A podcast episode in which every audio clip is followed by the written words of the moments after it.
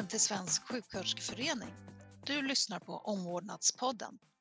Här hör du sjuksköterskor och andra resonera och diskutera ämnen som berör professionen. Cancer är många personers största skräck. Alla känner vi någon som drabbats. Vi kanske har drabbats själva. Hur ser cancervården ut idag? På vilket sätt har sjuksköterskors roll förändrats i och med nya behandlingar? Jag heter Johanna Ulvarsson och arbetar för Svensk sjuksköterskeförening. Jag har idag bjudit in Lena Sharp. Eh, jag är specialistsjuksköterska i onkologi, forskare och chef för regionalt cancercentrum Stockholm-Gotland och också past president som det heter för European Oncology Nursing Society. och Helena Ullgren. Jag är specialistsjuksköterska i onkologi och palliativ vård. Jag arbetar som kontaktsjuksköterska men med ett övergripande ledaransvar. Jag är också doktorand eh, och sedan några år tillbaka så är jag ordförande för sjuksköterskor i cancervård. varmt, varmt välkomna. Jag tänkte börja med att fråga dig Helena, vad är cancer? Ja, eh, cancer är ju verkligen inte en sjukdom. Eh, man kan säga att eh, cancer är ett begrepp eh, Eh, för olika typer av tumörsjukdomar och med tumör menar jag då inte en godartad knöl som man kan ha, till exempel i bröstet. Som, och, och då skulle jag vilja förklara att skillnaden mellan cancer och till exempel en helt godartad knöl är att cancerceller har förmågan att invadera vävnaden runt omkring och att växa okontrollerat. Och kroppen har av någon anledning inte förmågan att stoppa det här. Eh, så att cancer är ju, ja men det är väl, man brukar säga som Lena nämnde, har nämnt och vi har pratat om förut, 200 sjukdomar. Man kan nästan få cancer var som helst i kroppen. Och alla varierar i form av prognos, eh, vilken behandling man får och vilka symptom man kanske har. Mm. Lena, hur ser cancervården ut idag? Ja, eh, den har utvecklats oerhört mycket med tanke på de nya behandlingsmetoderna som har utvecklats de senaste 10-15 åren. Eh, I Sverige så har vi väldigt goda resultat. Vi ligger, vi är världsledande för många av cancersjukdomarna. Till exempel bröstcancer behand, eller botas över 90 procent av de som får bröstcancer i Sverige. Så vi ligger väldigt bra till.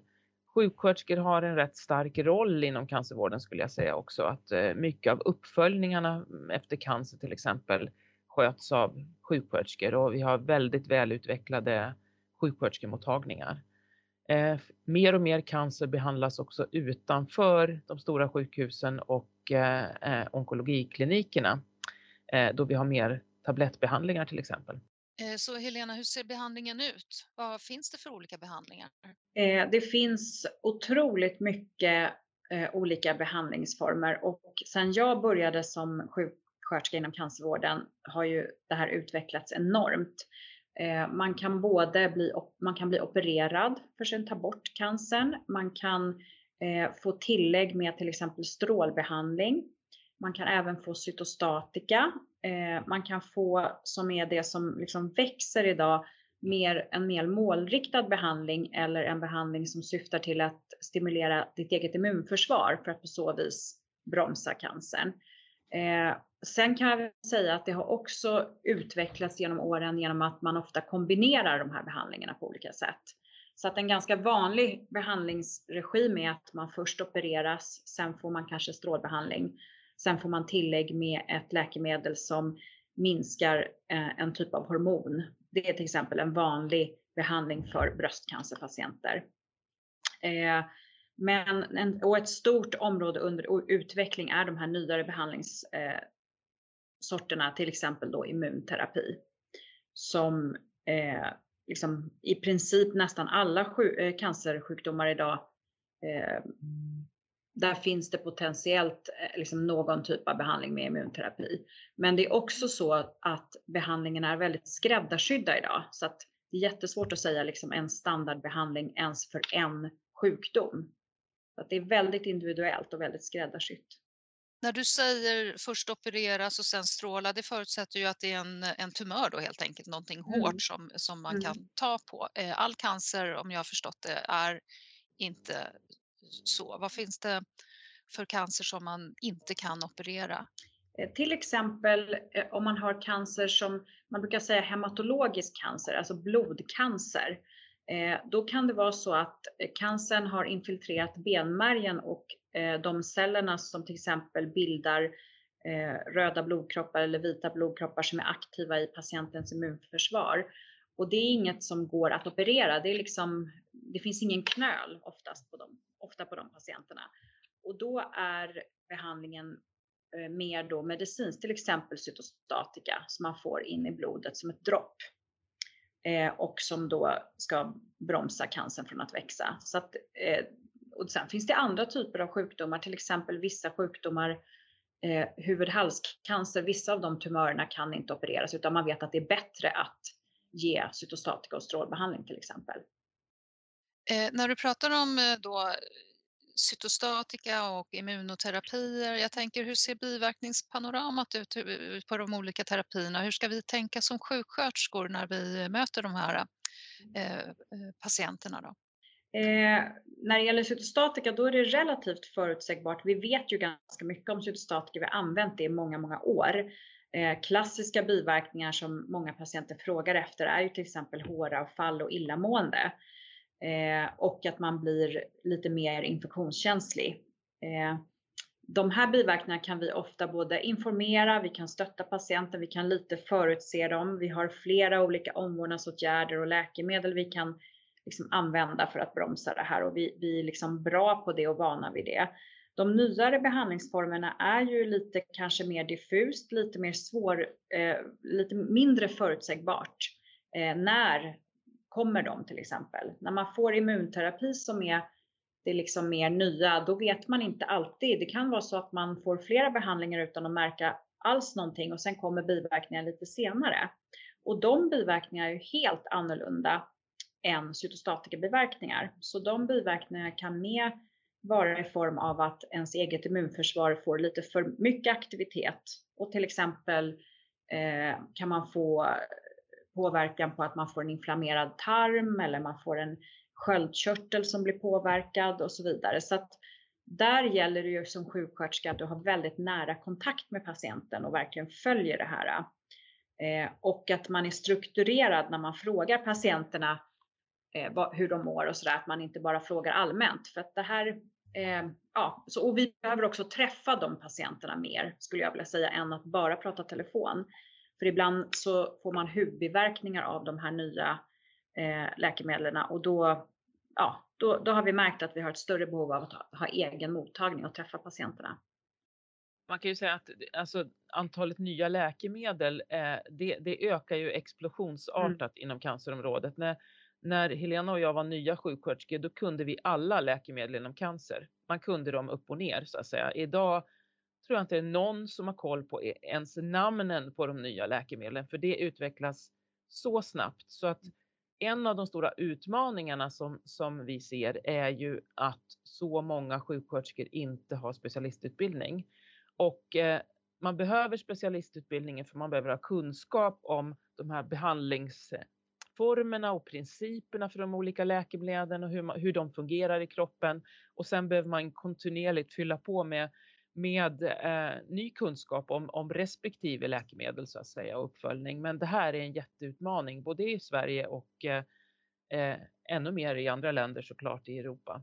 Mm, ja, det förstår jag verkligen. Det här är ju eh, många gånger väldigt svårt sjuka patienter som mm. går igenom en livskris också. Eh, och specialistutbildning, det, eh, det, det, är ju någonting som vi vet då, erfarenhet att det ökar överlevnad och ökar eh, välbefinnandet eh, hos eh, våra patienter i antal. Jag tänker, det här är ju någonting som påverkar livskvaliteten i väldigt hög grad. Jag hör ju Helena nämner massa eh, symptom då som eh, faktiskt kan vara jobbiga att leva med. Men Lena, eh, är det cancer som påverkar livskvaliteten eller är det behandlingen som påverkar den? Hur ska man reda ut? Ja, och det, kan, det svaret är ju ja, både och. För det är ju dels att du får en livshotande sjukdom eh, såklart. Eh, det ställer ju det mesta i livet på ända för de flesta personer. Och sen är det ju också den här eh, liksom påverkan av de här massiva behandlingarna som är ju, alltså det handlar ju om att eh, nästan ta koll på en individ men inte så att säga. Så det är ju otroligt eh, mycket allvarliga biverkningar man kan drabbas av. Så det är en kombination. Så här krävs ju verkligen omvårdnadskunskap.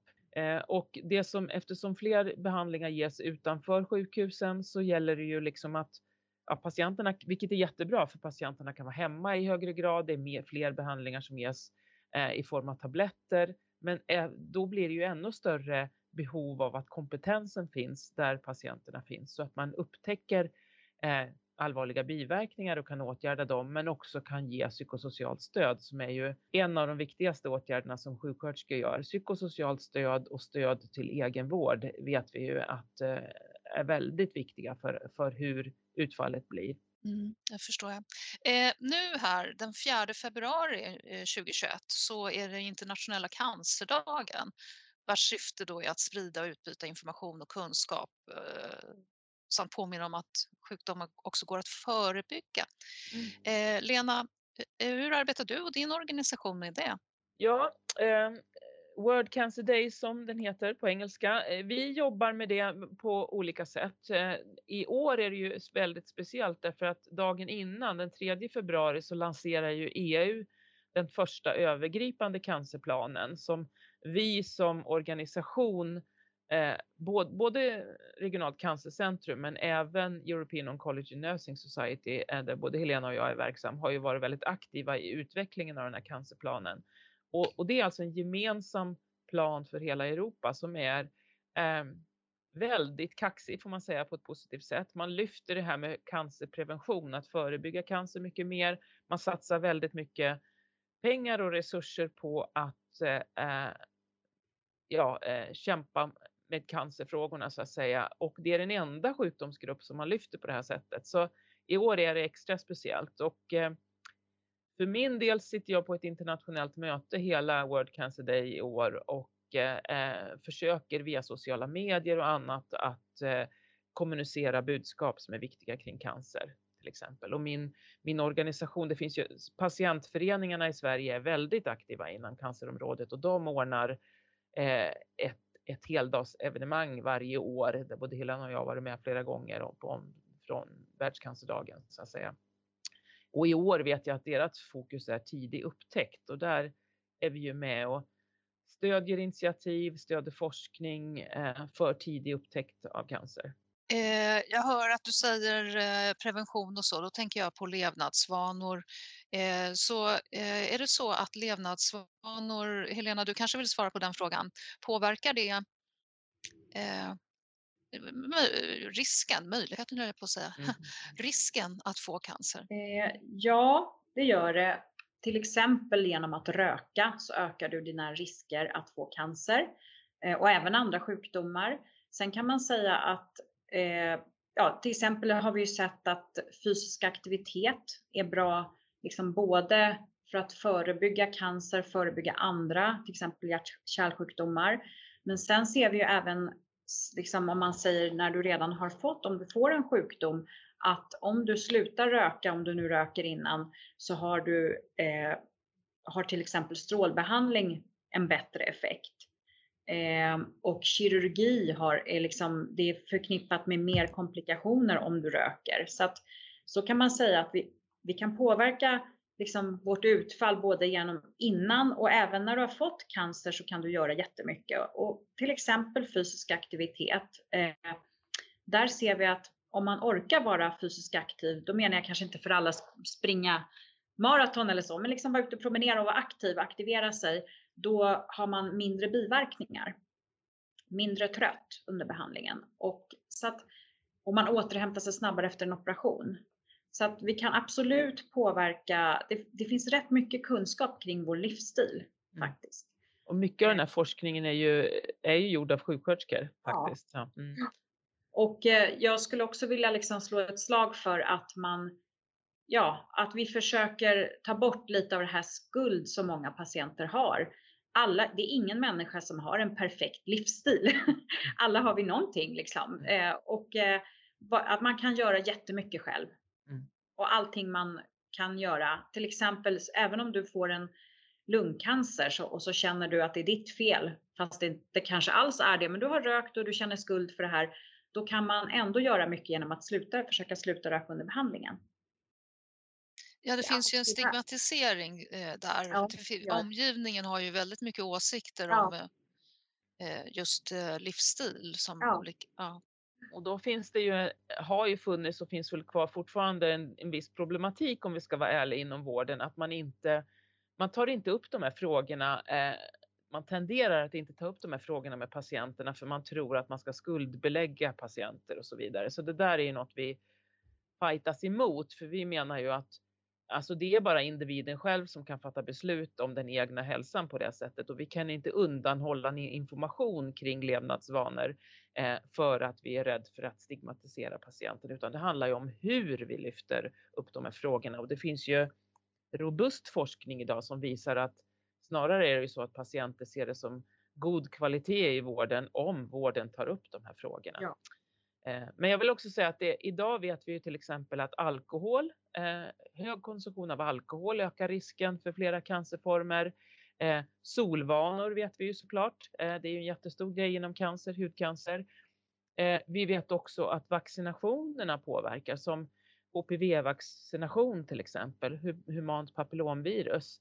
Vi vet att eh, livmoderhalscancer skulle kunna utrotas i Sverige om pojkar och flickor fick vaccin och man, om alla gick på sina kontroller. Den skulle kunna försvinna den gräsliga sjukdomen. Så det, det är ju otroligt viktigt det här med preventiva åtgärder och att sjuksköterskor tar en plats i det arbetet också. För många gånger så tänker sjuksköterskor att Nej, men jag jobbar på onkologkliniken eller hematologikliniken, det är mitt uppdrag. Och det är det ju naturligtvis. Men vi behöver vår kunskap behövs otroligt mycket på, i det preventiva arbetet också.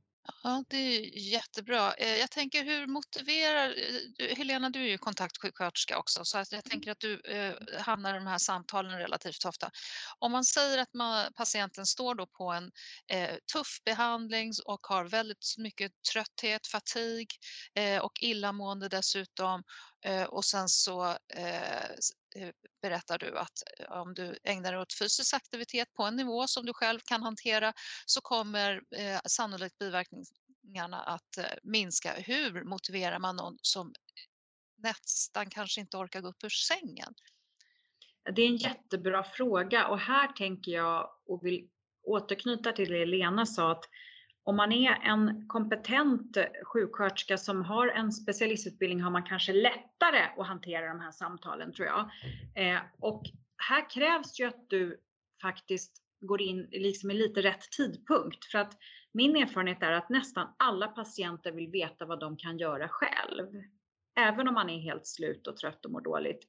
Så att det gäller att när patienterna, när man har samtal med patienten så eh, får man Ofta behöver man inte vänta, men man kan vänta in lite grann tills den här frågan kommer. Men vad ska vi göra eller vad kan jag göra? Och så får man börja i den änden, tänker jag.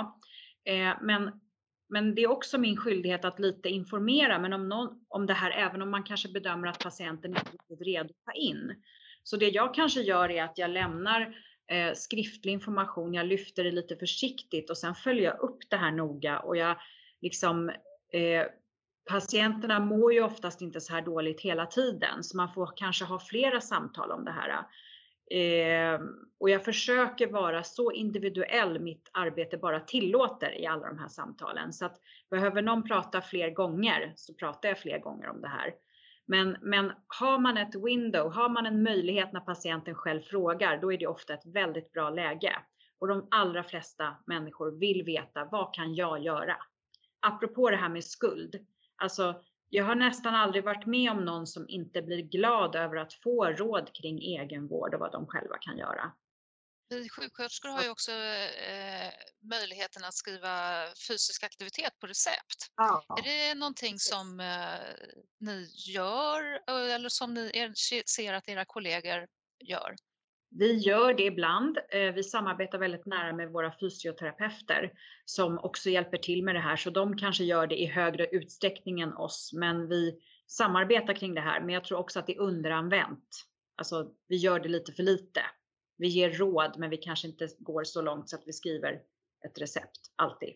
Men vi, vi, det här har kommit mycket mer på sista tiden och jag upplever att det finns en vilja och liksom mer kunskap om det här nu än vad det var tidigare faktiskt. Ja. Eh, Lena, du har ju gått från kliniskt verksam sjuksköterska på vårdavdelning. Du och jag träffades för första gången, tror jag var, jag vill inte ens säga det, men jag tror att det är 20 år sedan. Ja, ja minst. Eh, på Södersjukhuset. Ja. Eh, eh, berätta, vad gjorde du där och vad, vad, hände sen? För att nu är du en av de mest namnkunniga personerna som finns på den internationella scenen. Oj, oj, oj. Nej. Ja, alltså jag håller precis på föreläs eller och förbereder en föreläsning när jag ska prata om lite hur det började. Så jag, nu, just idag vet jag. Det, jag började sjuksköterskeutbildningen 1983 och det var ju en helt annan värld. Alltså jag släppte med mig skrivmaskinen till sjuksköterskeutbildningen och skrev mina anteckningar på den. Eh, och eh, det, det, var ju alltså då på den vårdavdelningen på Södersjukhuset som jag började. Jag, jag så här var det, när vi skulle ut på praktik så ville hela klassen bli barnmorskor och jag med. Och jag förlorade lotteriet och fick onkologi. Så jag var sur och eh, alla tyckte synd om mig och jag kom till onkologavdelningen och tyckte att jag verkligen var en, en förlorare. Men det tog ju bara några timmar tills jag fattade att det här är ju något som jag vill vara en del av. Eh, hur man tog hand om patienter och deras familjer och eh, var liksom för mig eh, en riktig ögonöppnare. Och sen dagen efter jag tog examen så började jag jobba på den vårdavdelningen och det var ju 1985 och sen har jag jobbat på alla möjliga sätt inom cancervården. Mest över 20 år har jag jobbat med strålbehandling. Eh, men och sen haft olika ledande roller eh, i över 15 år och har disputerat. Eh, så att eh, det, för mig är väl drivkraften att det här är ett så otroligt spännande område och man lär sig nya saker varenda dag och det finns så mycket man kan påverka. Eh, så det är ju häftigt att få vara med om den här utvecklingen som fortsätter. Vi ser ju till exempel lungcancer idag som har varit en sjukdom som har otroligt hög dödlighet. Som det börjar nu bli forskning som visar att det går sakta men bättre och bättre resultat. Och där är ju sjuksköterskors åtgärder, inte minst med det vi pratade om förut med rökavvänjning, men även på andra sätt, otroligt viktigt. Så det är väldigt häftigt. Så jag är jätteglad att kunna fortsätta eh, jobba inom det här eh, området och eh, jag tycker det är superroligt att gå till jobbet varje dag. Jag brukar säga att det är faktiskt kul att jobba med cancer för att det är så kreativt och eh, häftigt och utvecklande. Så, och inte minst att jobba internationellt, det är väldigt spännande. Och det är ju inte så att vi från Sverige som har väldigt mycket resurser och bra förutsättningar lär ut allt i andra länder, för vi lär oss också väldigt mycket. Vi har väldigt mycket att lära av kollegor från andra länder eh, om allt möjligt. Så det är verkligen ett kunskapsutbyte som är häftigt att vara en del av. Ja, det förstår jag. Helena, du är, eh, verkar ju också även internationellt. Eh, vad, hur, hur, ser du, finns det för och nackdelar? Vad, eh, ett givande och tagande. Hur ser du på ditt arbete? Eh, nej men, alltså jag har ju haft jag har ju också jobbat länge, men inte lika länge som Lena, men ändå länge som, och jag hamnade ju inom onkologin och cancervården väldigt på en gång liksom också. Eh, och jag har jobbat, jag har liksom gillat det här att vara, ha ganska bred kunskap och jobba. Jag har jobbat och i princip jobbat på alla olika enheter man kan inom liksom onkologin i Stockholm. Eh, jag brinner väldigt mycket för också sjuksköterskans eh, ledande roll i liksom omvårdnadsarbetet och hur vi, eh, även det här med organisationen av vården. Och det driver mig väldigt mycket för som sjuksköterska så är, har du ett så pass stort helhetsansvar så att du ser verkligen eh, när patienterna också kanske ibland blir drabbade av eh, en sämre eller en bättre organisation av vården. Och det driver mig väldigt mycket och det på något vis då det är ju en fördel att vara engagerad både internationellt och även nationellt, för då ser man, man får olika input, man får olika, eh, man får ta del av andra sjuksköterskors erfarenheter och man kan liksom både ta med sig det hem där jag jobbar och eh, man, jag hoppas att man också kan inspirera andra. Så att jag, jag, jag ser att eh, på ett sätt så är jag kanske lite ovanlig som sjuksköterska just där jag är därför att jag har tagit för mig väldigt mycket. Och nu tycker jag att jag ser att vi gör det mer och mer generellt om jag ska generalisera och det här brinner jag också för och då är det då ser jag nästan bara som en fördel att man lyfter blicken och tittar utanför sin egen liksom, arbetsplats på något sätt. Om ni förstår vad jag menar. Kontaktsjuksköterskor är ju någonting som har förekommit under flera år eh, inom cancervården. Eh, sen vet jag att det finns andra specialiteter som, som vill börja, kanske inte lika organiserat och inte lika självklart.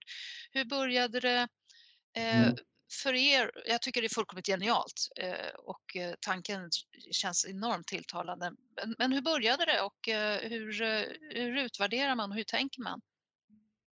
Det började ju med att eh, det här kom in i Sveriges första cancerstrategi som man utarbetade 2009 och där stod det som ett krav att alla patienter skulle ha rätt till eh, en kontakt, namngiven kontaktsjuksköterska. Det var en väldigt viktig eh, del av varför det här kunde utvecklas. För det har vi använt sen när vi har utvecklat rollen på olika sätt. I början haltade det ju otroligt och det var, det var inte alls så att kontaktsjuksköterskefunktionen hade betydde samma sak i olika delar av landet och så, så vidare. Men idag finns det ju ett nationellt nätverk av kontaktsjuksköterskor. Man har en nationellt fastställd eh, arbetsbeskrivning. Det finns forskning som visar eh, på nyttan och effekten med den här rollen. Så det har ju utvecklats oerhört bra. Och vi ser ju också att eh, idag så anger de allra flesta cancerpatienter att de har en kontaktsjuksköterska. Helena, hur ser du på, eh, alltså jag tänker omvårdnadsbehov då för, för patienterna som du träffar och pratar med. Vad, vad, hur, hur, ser det utifrån sjuksköterskans roll? Vilka omvårdnadsbehov är det som vi eh, eh ska uppmärksamma och verkligen eh, för att vi, det är ju vi som har omvårdnaden som vårt professionsämne. Eh, alltså någonting som jag försöker bli bättre på eh, och utveckla, det är det här att Eh, jag har i alla fall, och jag tror att jag kan prata för andra, att man generellt har en tendens när det gäller omvårdnad att man, man frågar efter saker som man också kan göra någonting åt. Eh, till exempel smärta, eh, illamående Eh, och så vidare. Och jag försöker tänka att det kan vara behov hos patienten som vi inte kan göra så mycket åt, men som är det viktigaste för dem. Eh, till exempel, och det finns även forskning som stöttar det, eh, att man har fått sånt förändrat utseende. Man tappat håret, man kanske har blivit svullen, man har fått utslag av sin behandling. Det är för många patienter mycket värre än att må lite illa ibland. Och det här är någonting som jag tycker, om jag nu ska försöka generalisera, men jag utgår verkligen från mig själv här. Det här kämpar jag med att bli bättre på och fråga patienterna alltid vad är viktigt för dig? Vad är viktigt att jag vet om dig? Eh, liksom, vilket symptom besvärar dig mest i din vardag och så vidare. Så det här hoppas jag att vi kan generellt bli bättre på, på att förtydliga, för det här är verkligen en utmaning inom omvårdnad. Att man inte bara följer Checklistan. Liksom ja, precis, checklistan eller följer, liksom ger råd på det man, det man kan göra någonting åt. För ibland kan det vara så att bara genom att patienter får berätta om det här så, så känns det lite bättre. Eh, så.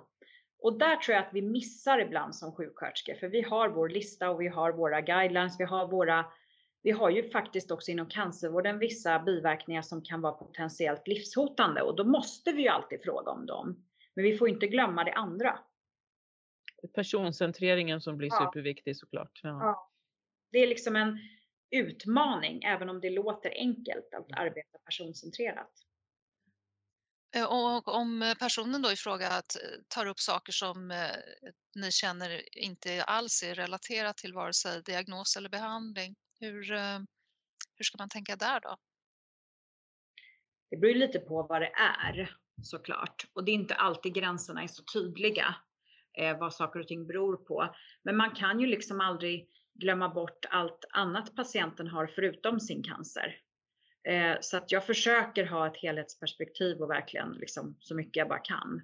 Sen kan det ju vara att man självklart måste råda patienten att söka någon annanstans för någonting jag inte kan liksom, och vi inte kan hantera. Men, men eh, eh, när, när de har cancer och kommer till oss för behandling, då måste man ju ta hänsyn till allting, till andra sjukdomar och till ja, saker de har varit med om och så vidare.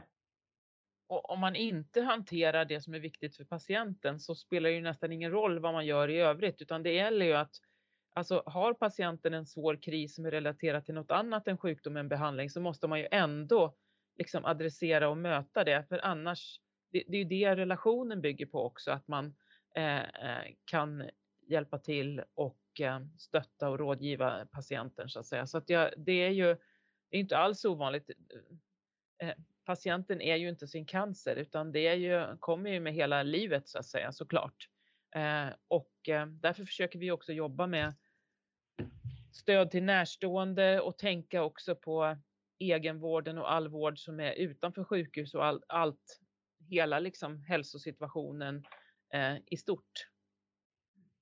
Så ni kanske samverkar med eh, andra eh, för att kunna eh, ha ett helhetsperspektiv, för ni kan ju förstås inte ta hand om allt.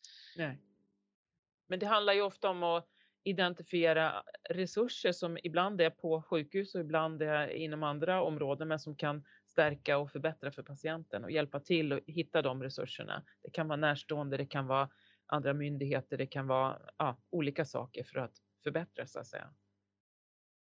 Eh, Helena, du nämnde tidigare att eh, du träffar många människor som gärna vill veta vad kan jag göra själv. Eh, om man vänder på det, hur stora krav kan man ställa på en, en patient och ställa på dess anhöriga att, att hantera olika saker, att sköta sig själv, att själva navigera i våra olika samhällsstrukturer med sjukskrivningar och bostadsanpassning och jag vet inte riktigt vad det kan handla om men hur, hur, hur stöttar vi från vården eller gör vi inte det? Jo, men alltså jag tror att vi, vi gör det, men vi gör det inte alltid tillräckligt och vi gör det inte, definitivt inte alltid systematiskt. Eh, vi skulle behöva vara mer systematiska i till exempel att ta reda på patientens situation hemma. Eh, alltså vi, vi försöker alltid att fråga om närstående personer som är viktiga för patienten, men eh, här tror jag att vi ibland lägger ett för stort ansvar på dem. Eh, vi lägger också ganska stora krav på patienten att själva eh, liksom höra av sig. Eh, och här gäller det återigen att vi är individuella och personcentrerade för att vi kan inte lägga samma krav på alla patienter. Ehm, jag skulle väl önska att vården kanske var mer, hade mer systematiskt samarbete mellan omsorg hemma, hemsjukvård, akutsjukhuset och så vidare. Eh, men vi kan göra mycket. Och eh, jag upplever att vi försöker, eh, men, men som sagt, vi lägger ganska mycket krav på patienten och närstående. Det är ofta de som får koordinera eh, tider och andra saker. Kanske närstående hjälper till och sköter smärtmedicinen hemma och så vidare. Här behöver ju jag som sjuksköterska verkligen göra en bedömning och ha saker och ting på en lagom nivå och stötta och många gånger stötta närstående jättemycket faktiskt. Eh, för att de utför ju uppgifter som är ganska lika mina ibland när mm. patienten är hemma. Och det ska man inte glömma.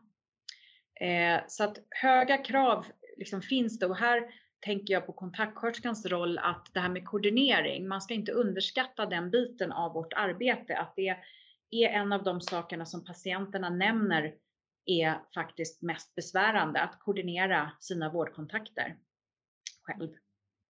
Det pågår ju mycket forskning kring delaktighet eh, inom cancerområdet och eh, övergripande kan man väl säga att de flesta patienter vill vara delaktig eh, och kanske mer än vad vi erbjuder dem att vara. Så det är ju både det och, och sen att lägga ribban rätt så man inte att vara delaktig innebär ju inte att man ska lägga över allt ansvar på patienter och närstående, utan det gäller ju att hitta den där eh, balansen så att säga.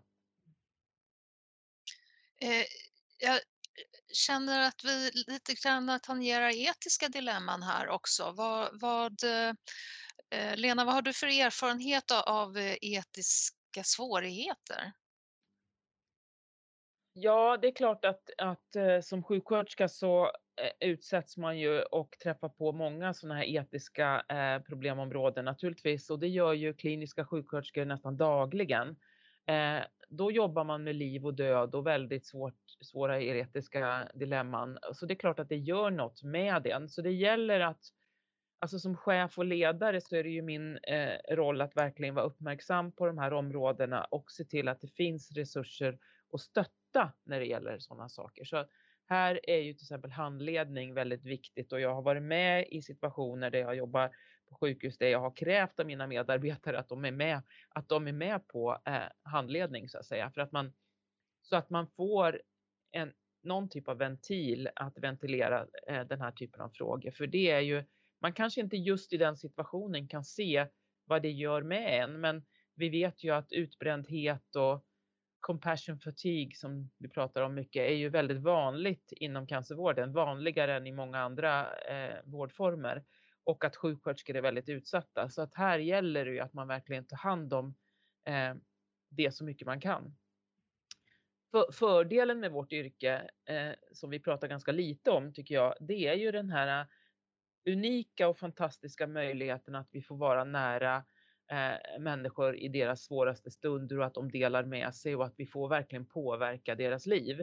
Det är, det är otroligt häftigt, men det är också det som är, är risken när om vi inte får hanter, eh, utrymme att hantera de här eh, etiska dilemmana till exempel. Så att det är ju det, är det man måste vara väldigt uppmärksam på. Mm. Eh, Svensk sjuksköterskeförening eh, är ju moderorganisation för väldigt många olika sektioner och du Helena är då ordförande för sektionen för eh, sjuksköterskor inom cancer. Eh, vad heter, ja. Eh, har ni etiska diskussioner, har ni sådana teman när ni träffas? Hur, hur, eh, hur tänker ni som sektion? Eh, alltså vi, har, vi har inga sådana systematiska träffar, men till exempel nu så anordnar ju vi eh, onkologidagarna tillsammans med Svensk onkologisk förening. Och här har vi som tema i år, vi har skjutit upp den två gånger men nu planerar vi att försöka ha den i september. Eh, där vi har som tema liksom, var går gränsen? Och vi har tänkt oss att, och då menar vi det här, var går gränsen? Vi kan behandla, med, vi har en uppsjö av nya behandlingar. Eh, hur länge ska vi behandla? Eh, liksom vad, hur fattar vi rätt beslut tillsammans med patient och närstående kring till exempel gränser mellan att sluta behandla eller fortsätta behandla. Eh, vilk, och, och, då har vi tänkt nu eftersom det har varit en stor covid-pandemi att det blir ännu viktigare att prata om de här frågorna. Eh, och det kan också vara till exempel handla om när en patient är svårt sjuk. Eh, hur länge ska vi fortsätta ge dropp? Hur ska vi tänka med näring eh, generellt? Ehm, men också faktiskt ganska tidigt i förloppet att börja prata om de här frågorna. När en människa har en kronisk sjukdom eller inte kan bli frisk, vi vet att den här personen kommer, eh, alltså har en spridd cancersjukdom, då är det viktigt att våga lyfta etiska frågor hela tiden. För det finns liksom inte bara en tydlig gräns idag och det här är någonting som vi verkligen som förening har liksom uppmärksamma att de här frågorna kommer upp i alla forum. Men det är inte alltid tydligt att vi sätter en stämpel på dem att nu ska vi ha en etisk diskussion. Men egentligen har vi ju det liksom hela tiden. Och då har vi valt att ha det här temat på vår konferens nu. Så att många av föreläsningarna kommer verkligen handla om det här. Och, vi har, och det tycker vi är väldigt roligt att göra tillsammans med läkarna också eftersom vi jobbar så mycket ihop i de här frågorna. Eh, så att det är ett sätt. Men eh, jag tror att någonting som vi får ibland från medlemmarna däremot, det är ju att man inte riktigt har tid att prata om de här sakerna tillräckligt. Och det är också ett problem. Här finns ju många olika sätt, men, men vi försöker stötta i det och hitta liksom, ja, hitta så här system för hur, hur och när kan man lyfta de här frågorna. Och ett sätt inom cancervården är ju faktiskt de här multidisciplinära konferenserna som vi har. Eh, och där, där tror jag vi skulle kunna få in etik mer till exempel. Så att vår förening är väldigt aktiv men kanske inte så tydligt som Svensk sjuksköterskeförening är. Eh, I, I de olika eh, mm. stora övergripande frågorna. Ja. Eh, vi måste avrunda dessvärre. Jag eh, hade kunnat fortsätta prata mer i en timme till. Eh, men i den bästa av världar, hur eh, skulle du Helena vilja utforma vården? Lena, du kommer få samma fråga. Eh, ja, lite kort då skulle jag vilja ha en mer eh, sammanhållen vård för patienterna. Minska fragmentering i vården. Och Lena? Ja, jag håller ju naturligtvis med Helena. Hon gör dessutom väldigt spännande forskning inom det här området, pågående forskning, så det är spännande. Men jag skulle också vilja att vi fokuserade mer på eh, prevention, tidig upptäckt och screening av cancer. För vi skulle faktiskt kunna undvika uppåt 50 procent av alla cancerfall om vi jobbade mer med de frågorna. Och vi jobbar alldeles för lite, så det är väl det som, som jag skulle önska att vi ägnade mer tid åt. Nu blev jag då lite nyfiken Helena, nu måste du berätta, vad, mm. vad forskar du på? Men jag tittar på eh, olika aspekter, framför allt av vårdkonsumtion, alltså hur mycket patienterna är på sjukhuset och in och ut från sjukhuset och hemma eh, när de har cancer. Så jag tittar både första året på diagnos, när de har fått sin diagnos och sen även i livets slut. Och jag är också nyfiken på hur vi vårdpersonal resonerar i de här frågorna. Stort tack för att ni ville komma hit. Det här var ett väldigt givande samtal. Ha det bra. Hej! Hej! Hej då, tack så mycket.